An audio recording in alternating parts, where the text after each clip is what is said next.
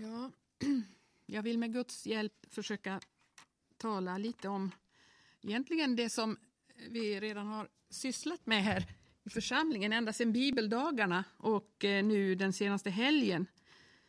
Det här med ett, att eh, ett uppbrott för att eh, komma i tjänst i Guds rike.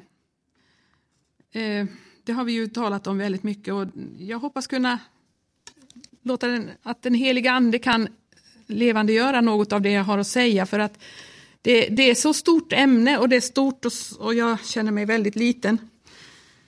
Jag ska tala, men, eh, men eh, jag nämnde lite, någon kanske minns lite grann eh, en appell under de här bibeldagarna och, och det är samma tankar som rör sig i, i mitt hjärta.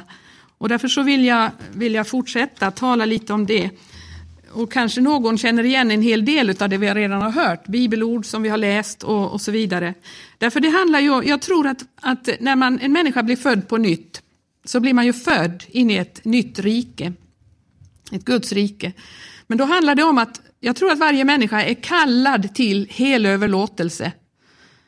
Alla människor är kallade till helöverlåtelse. Och eh, då handlar det om för en människa att sätta sig i rörelse och ta emot ordet, inte bara ta emot ordet till pånyttfödelse och frälsning, utan ta emot ordet till efterföljelse. Ta emot ordet till efterföljelse. Och det är där väldigt många kristna, tror jag, inte förstår. Därför att man är så fast i, i eh, mönster och traditioner så att man, eh, man eh, har inte förstått att det finns någonting att gå in i som är så mycket större och så mycket mer.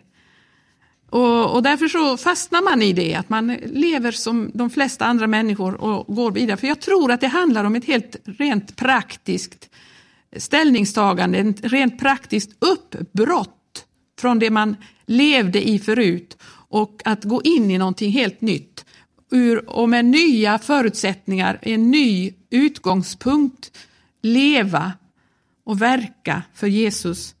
Och Det är det jag skulle vilja ta lite och titta på idag.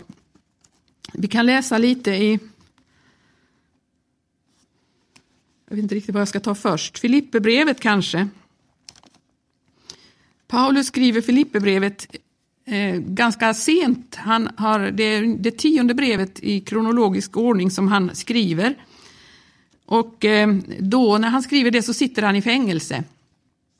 Och så skriver han att han hälsar alla de heliga i Kristus Jesus som bor i Filippi, tillika med församlingsföreståndare och församlingstjänare. De heliga, de heliga är ju, helig har vi talat om, det är ett, ett ord som betyder utkallad, avskild. Om man tittar på vad det betyder, det är att man är avskild från världen, från det orena, för att helgas till att eh, syssla med det som är Guds, eh, att tjäna Gud i hans rike, de heliga. Och så skriver han att jag tackar min Gud så ofta jag tänker på er i det att jag alltid i alla mina böner med glädje ber för er alla. Jag tackar honom för att ni alltifrån första dagen intill nu har deltagit i arbetet för evangelium. Och jag har den tillförsikten att han som er har begynt ett gott verk, han ska och fullborda det intill Kristi Jesu dag. Han tackade Gud därför att de hade deltagit i arbetet för evangelium, allt ifrån första dagen. Så satte de igång att arbeta för evangelium. Och i Thessalonikerbrevet så står det också hälsningar då. Och det här brevet skrevs det var det allra första som Paulus skrev, det här brevet. Och, och då hade han eh, varit i Thessalonika och hade vunnit en skara där, men han hade inte kunnat stanna så länge, för det var oroligheter och förföljelser och han var tvungen att fly därifrån. Men eh, han, han är väldigt glad för det som har hänt där, därför han har fått rapporter om vad som har skett i Thessalonika. Och det står så här, vårt evangelium kom till er, inte med ord allenast, utan i kraft och helig ande och med full visshet. Och ni vet också på vad sätt vi uppträdde bland er till ert bästa. och ni och er sida blev våra efterföljare och därmed Herrens. I det att ni mitt under stort betryck tog emot ordet med glädje i helig ande. Så blev ni själva ett föredöme för alla de troende i Makedonien och Akaja. Ty från er har genljudet av Herrens ord gått vidare ut, icke allenast i Makedonien och Akaja, utan allestädes har er tro på Gud blivit känd, så att vi för vår del inte behöver tala något därom. Ty själva förkunnade om oss med vilken framgång vi begynte vårt arbete hos er och hur ni från avgudarna omvände er till Gud till att tjäna den levande och sanne guden och till att vänta hans son från himmelen, honom som han har uppväckt från de döda, Jesus som frälsar oss undan den kommande vredesdomen. Här ser vi att hur, hur eh, det, står ju att Jesus säger följ mig. Följ mig. Och hur gör man då när man följer Jesus? Och här ser vi att de började följa Paulus. Det står att ni och er sida blev våra efterföljare och därmed Herrens. De började efterfölja Paulus i hur han levde och hur han gjorde. Eh, han hade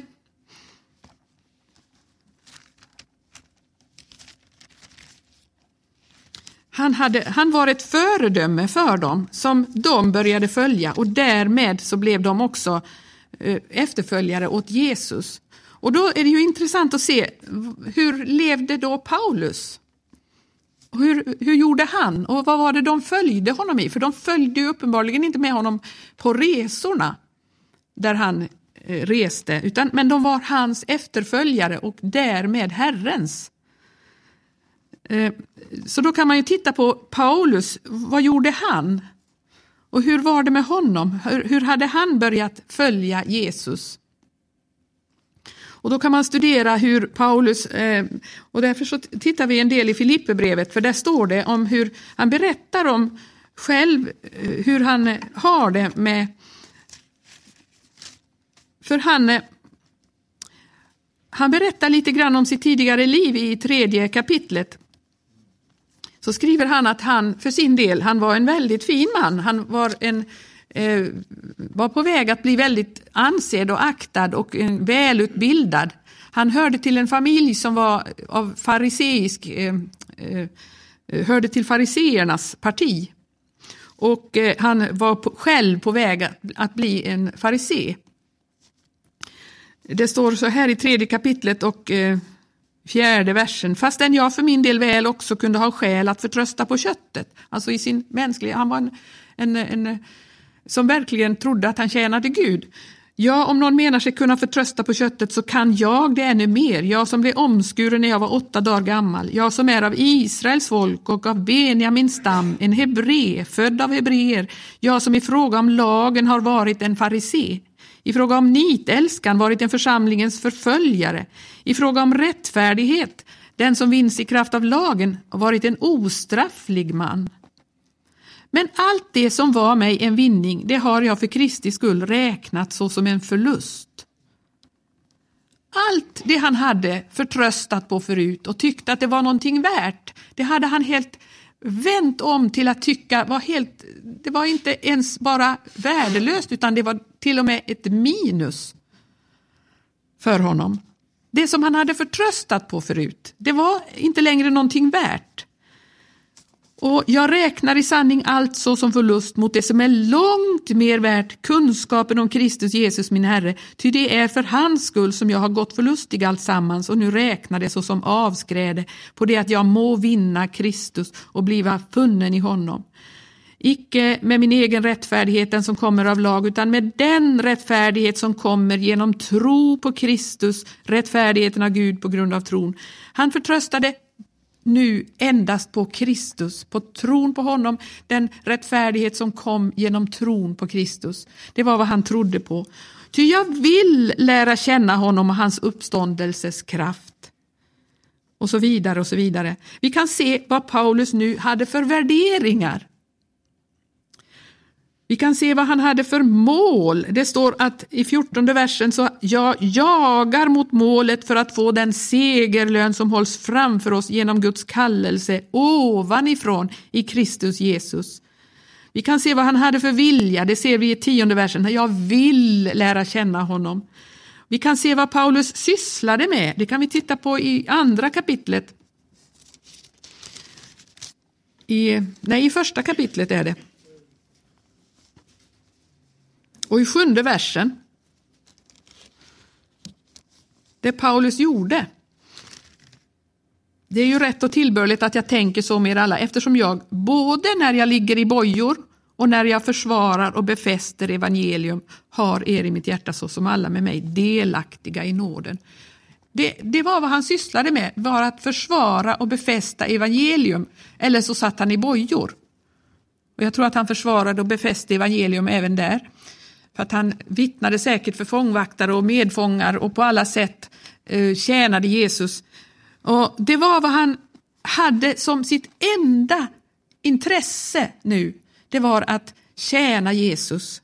Och han hade, han hade inga svårigheter med några omständigheter. Det står i fjärde kapitlet, i tionde versen. Ända till nittonde kan man läsa om hur han hade det. Det har varit för mig en stor glädje. Här i Filipperbrevet här handlar det om hur han sitter då i, i, i fången. Så säger han att det har varit en stor glädje i Herren att ni nu omsider har kommit i en så god ställning att ni har kunnat tänka på mitt bästa. De hade skickat honom hjälp i fängelset. Dock, ni tänkte nog också förut därpå, men ni hade inte tillfälle att göra något. Inte som om jag härmed vill säga att något har fattats mig. Ty jag har lärt mig att vara nöjd med de omständigheter i vilka jag är. De yttre tingen betydde inte så mycket för Paulus längre. Jag vet att finna mig i ringhet. Jag vet också att finna mig i överflöd. Med vilken ställning och vilka förhållanden som helst är jag förtrogen. Jag kan vara mätt och jag kan vara hungrig. Jag kan ha överflöd och jag kan lida brist. Han hade erfarenhet av allt det här och han visste att det var så. För honom var det inte så betydelsefullt, de här sakerna. Allt förmår jag i honom som giver mig kraft. Dock gjorde ni väl däri att ni visade mig deltagande i mitt betryck och så vidare. Så skriver han om att visst, det var väldigt fint av dem. Det var, det var, det var väldigt tacksamt den här gåvan han hade fått av dem. Men det mest tacksamma det var att, att de själv skulle, att det skulle komma en frukt därav som de skulle få till godo. Han var glad för deras skull, för att de hade gjort det här.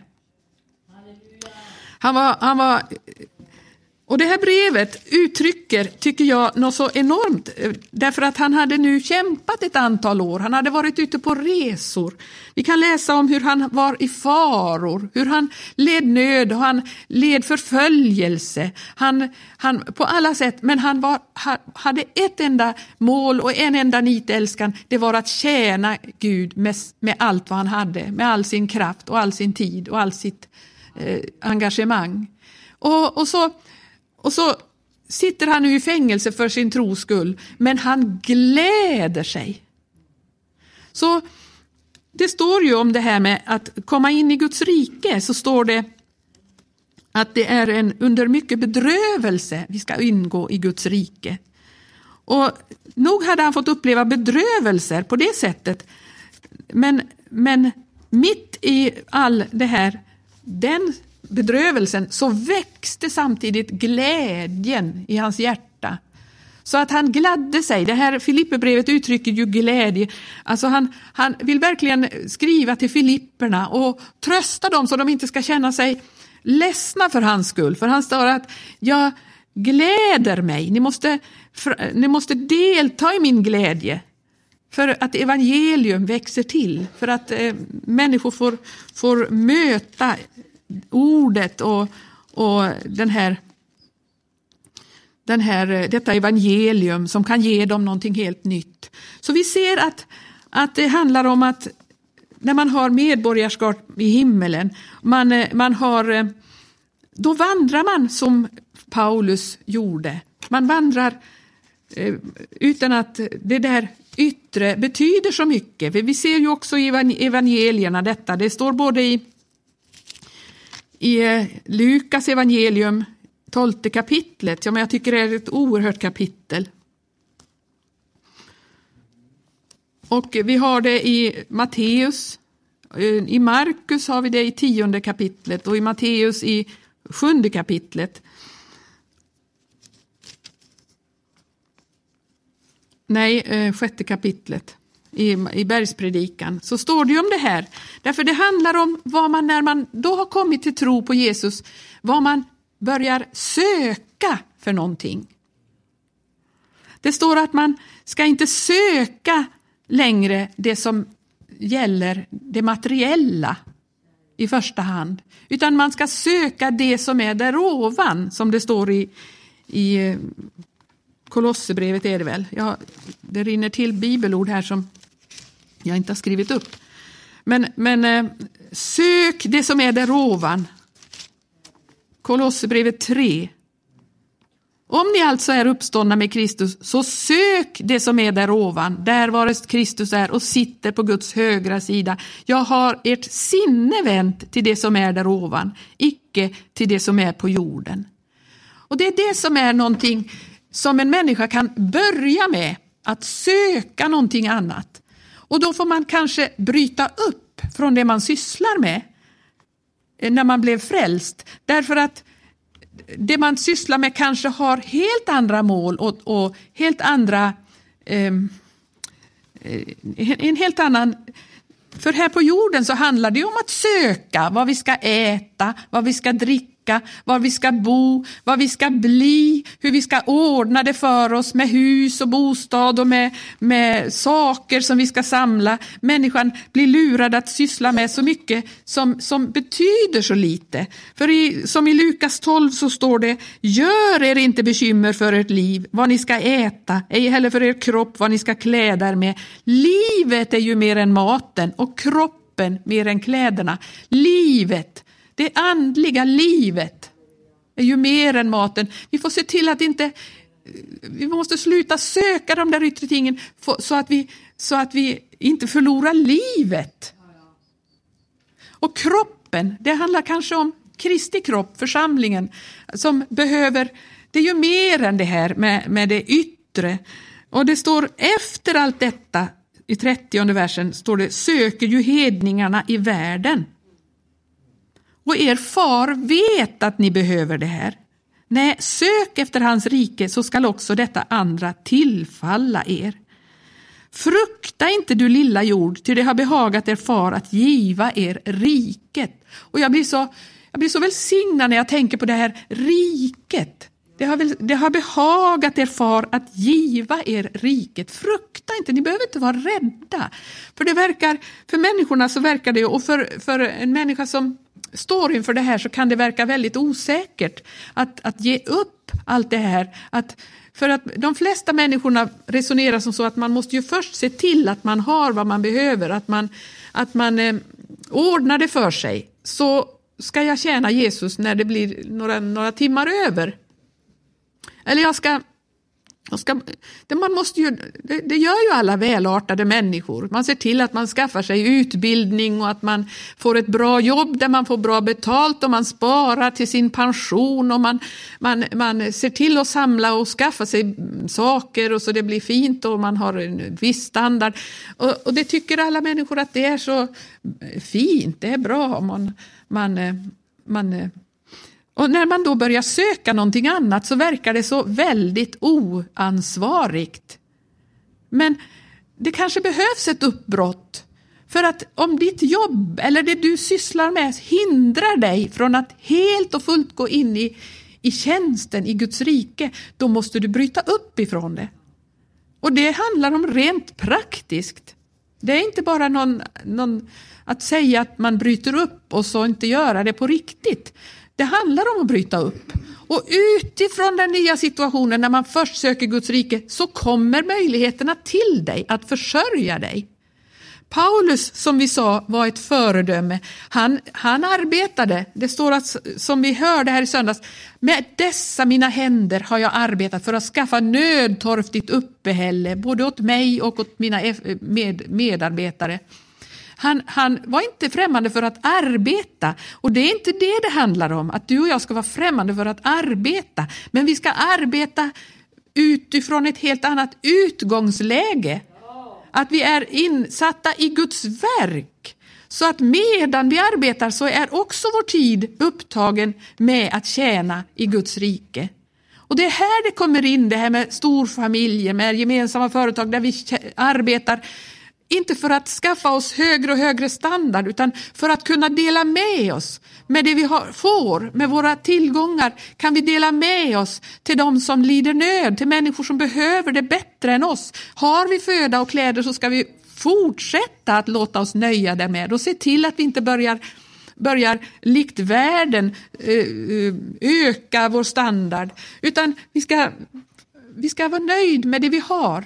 Och, och inte vara främmande för att arbeta. Och ibland handlar arbetet kanske inte om någonting som ger pengar, men vi ska inte vara främmande för att arbeta för Guds rike.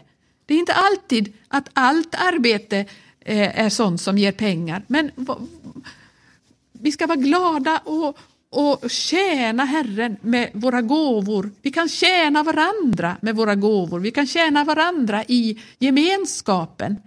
Och det är ett liv som är så rikt därför att vi får sån gemenskap med varandra. Jag ska titta lite mer på det sen, men, men eh, det handlar ju inte alltid om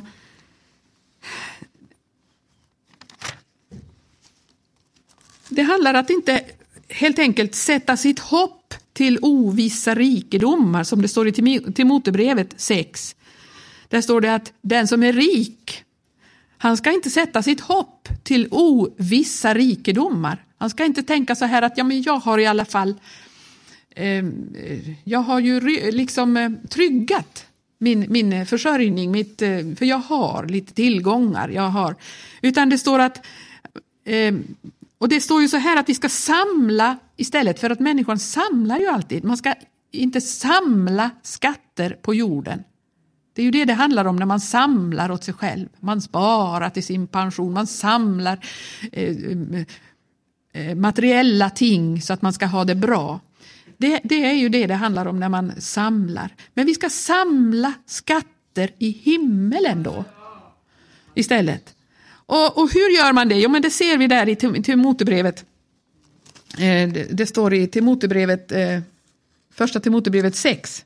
Det var det jag citerade nyss. Bjud de som är rika i den tidsålder som nu är att inte högmodas och att inte sätta sitt hopp till ovissa rikedomar. Rätt vad det är så går valutan ner och det blir inte värt någonting. Rätt vad det är så kommer en jordbävning som det gjorde i Haiti. Tänk, och, och de fina husen rasar och de, de materiella ting vi hade det kanske blir helt värdelöst. I ett enda ögonblick kan detta ske. Utan vi ska sätta hoppet till Gud som rikligen ger oss allt till att njuta därav. Vårt hopp ska vara till Gud. Om vi har eh, ägodelar eller om vi inte har så ska vårt hopp vara till Gud. Och vi ska bjuda dem som, de som är rika då att göra gott, att vara rika på goda gärningar och att vara givmilda och gärna dela med sig. Må de så lägga av åt sig skatter som kunna bli en god grundval för det tillkommande så att de vinner det verkliga livet. Det verkliga livet kan man vinna genom att dela med sig av det man har fått. Har man fått det så har man fått det för att dela med sig och så lägga av åt sig skatter i det himmelska. Och Har du då inga rikedomar så kan du tänka så här, ja men då kan ju inte jag samla några skatter. Jo, du har också rikedomar. Du har din kropp, du har dina händer, du har dina fötter, du har din tid och ditt liv. Det kan du lägga ner, det är ditt kapital. Om inte du är rik på materiella ägodelar så är du rik om du har en kropp, ett liv, händer att tjäna Gud med, fötter att gå hans ärenden med. Du har ett kapital och det ska du sätta in i Guds rike och inte för att leva för dig själv eller leva för den här världen. Och när du sätter dig i rörelse för att göra det här, för att tjäna Gud och använda det du har i hans tjänst och i hans rike, då blir det reaktion. Därför att vår kamp är inte mot kött och blod utan är mot ondskans andemakter i himlarymderna, mot furstar och väldigheter som råder här. Då sätter de här makterna sig i rörelse, i motstånd, därför att då förstår de förstår hur oerhört stort det här är. När, när en människas allt kapital sätts in i Guds rike istället för i världen. Så när en människa försöker bryta upp, då kommer alla onda makter genom människor att reagera på dig och säga att du är inte klok. Du är inte riktig som gör så här. Och hur ska du kunna veta, hur ska det bli med dig, med din framtid? Du kan ju inte lita på att det här finns kvar i alla tider. Vad ska du bli av om det blir slut med den här församlingen eller det här som du då bryter upp och går in i? Och, och, alla kommer att säga att du inte är klok som inte samlar, som inte spar för din pension, som inte tänker på din, på din eh, eh, och, och se till med försäkringar att du har liksom allt eh, ordnat och tryggat. Nej, det kommer att bli en väldig reaktion. Och, och dina anhöriga kommer att reagera. Och dina eh, vänner, människor kommer att, att reagera. Och de vet inte själva det men de är kanske språkrör för makter som, som fattar vad det här handlar om. Så du ska inte bli förvånad om när du sätter dig i rörelse att, att det blir reaktioner.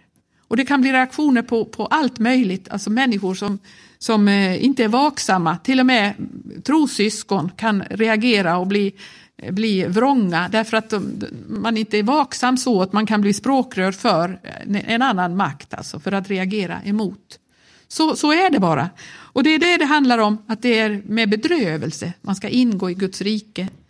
Och eh, Det får varje människa uppleva som försöker bryta upp. Det, det är ju så här att när man börjar söka Guds rike, söka hans vilja, så handlar det om att ge upp sin egen vilja.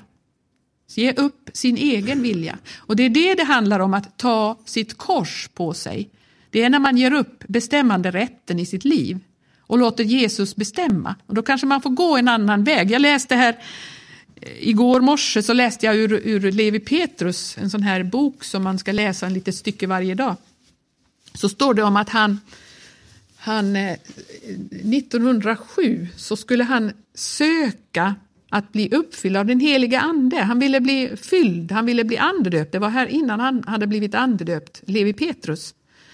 Och så står det så här att eh, då, då upplevde han att han måste välja väg för sitt liv. Och, och så hade han framför sig tre vägar som han kunde gå. Och den första vägen, det ville han själv gå. Han ville verkligen det, för att det handlade om utbildning. Han skulle bli, få en ganska fin utbildning och han tänkte, han försökte övertyga Gud om att hur bra det skulle vara ifall han fick gå den här, så skulle han verkligen bli skickad för att tjäna Gud med det här. Men hur han än bad så kunde han inte övertyga Guds ande om det. Det gick inte. Han var tvungen att erkänna att nej, det var inte den vägen Gud hade tänkt för honom. Så han, han upplevde att Gud sa till honom att han måste gå en mycket mer anspråkslös väg. Men då hade han två vägar till att välja på och då var det, det Eftersom han inte fick gå den där första som han ville så var det en annan som, ja i så fall måste han gå den vägen och jag vet inte vad det handlade om. Men han, han eh, bad och han bad och nej, det var inte den vägen heller. Och så fanns det en tredje väg som han absolut inte ville gå. Och han bad och han ville absolut bli uppfylld av den heliga ande men han kunde inte det för att han, förrän han sa sitt ja till det här att gå den mot, motiga väg som han inte ville. En väg som han kände väldigt eh, jobbigt för sin, för sin eh, egen person. Men han sa ja och han upplevde en stor glädje i sitt hjärta när han hade tackat ja till den här vägen som Gud hade för honom. Det handlar om att ge upp sin egen vilja. Det kanske, för den som är ung kanske det handlar om att, att välja välja bort kanske en fin utbildning eller det kan hända. Menar, det är inte så att, att Gud är emot all slags utbildning eller skolor eller någonting sånt. Så är det inte. Men, men det måste utgå ifrån Guds rike. Det måste utgå ifrån hans rike först. För om det utgår ur hans rike så kan det ju hända att Gud har en sån väg för dig sen. Att utbilda dig till någonting eller bli någonting. Men då har det med ett helt annat utgångsläge. Och då är det inte du som har tänkt ut och bestämt och, och, och tänkt att sen när jag är färdig med det här då ska jag börja tjäna Gud. Alltså, nej, då får du känna Gud under tiden, då får du känna Gud och, och då får du uppleva att det inte det inte är någonting som när din, ditt högmod eller din eh, person, utan nu, allt du gör när du kommer in i hans rike, det handlar om att, att allt sker till hans ära. Till, till att han blir blir upphöjd och ärad och du blir bara en ringa tjänare, precis som vi ska vara i hans rike. Vi är ringa tjänare. Den som vill vara störst bland er, han blir, den skulle bli den minsta, han skulle tjäna de andra, som Jesus säger. Här är det precis annorlunda. För lärjungarna sysslade mycket med det, vem som skulle bli störst. De tänkte på det. Men Jesus sa, den som vill bli störst, han blir de andras tjänare. Det är det som är stort i Guds rike, det är att få tjäna sina syskon. Och jag har fröjdats när jag läser om de här syskonen som vi har i, här i Bibeln och jag har tänkt på det att de här får vi ju möta en gång. Paulus han, han eh, förmanar i, i Filipperbrevet att eh, han, han förmanar syskonen Eh, Eh, i andra kapitlet, se inte var på, i fjärde versen där, se inte var och en på sitt eget bästa utan var och en också på andras. Var så till sinne som Kristus Jesus var. Och så vidare. Han, han var kvinnor till hjälp, ty jämte mig har de kämpat i evangelisk tjänst. Det såväl som Clemens och mina andra medarbetare, vilkas namn är skrivna i Livets bok.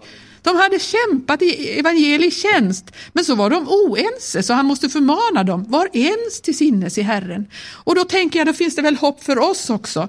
Vi, är, vi, vi kanske inte alltid är så, så ens till sinnes, men vi kämpar i evangelisk tjänst, vi är syskon tillsammans och vi kämpar för evangelium. Tänk vilken gemenskap, vilken, vilken underbar gemenskap. Och jag har, jag har många gånger läst i Romarbrevets sista kapitel. Jag blir så glad när jag läser det här i 16 kapitlet. Alla de här hälsningarna till människor som fanns där. Och jag har tänkt så här, de här syskonen kommer vi att möta i himmelen. De kommer att vara där. Alla de här Priska och Aquilla, mina medarbetare i Kristus Jesus, hälsa dem, säger han. Hälsa den församling som kommit ihop i deras hus och hälsa Epanetus, min älskade broder, och så vidare. Hälsa Maria som har arbetat så mycket för er. Hälsa Andronikus och Junias och hälsa Ampliatus, min älskade broder. Hälsa Urbanus, vår medarbetare i Kristus och Stakis, min älskade broder. Så kan vi räkna upp dem allihop. Och de är medarbetare i Herren. De är medarbetare, de är medkämpar. Och vi är väl medkämpar och medarbetare med varandra och med Herren. Och jag tänkte så här att hade det stått där idag så hade det stått hälsa Jan-Egil och Lill, hälsa Lena och Robin, hälsa Hans, hälsa Agneta, hälsa Barbro och Stina, hälsa, alltså jag, jag, kan sätta in alla de här namnen. Jag tror vi hade blivit uppräknade allihopa. Vi är medarbetare i Herren. Vi är medarbetare. Och vi, det står om att det fanns medfångar, det fanns medkämpar. Det fanns på olika sätt, vi är med varandra. Och så, så fröjdas vi tillsammans därför att vi får kämpa för Herren. Och det står om Johannes, han säger så här att eh, i Uppenbarelseboken jag, Johannes, er broder, som med eder har del i bedrövelsen och riket och ståndaktigheten i Jesus. Tänk, han hade, han hade delaktighet i riket.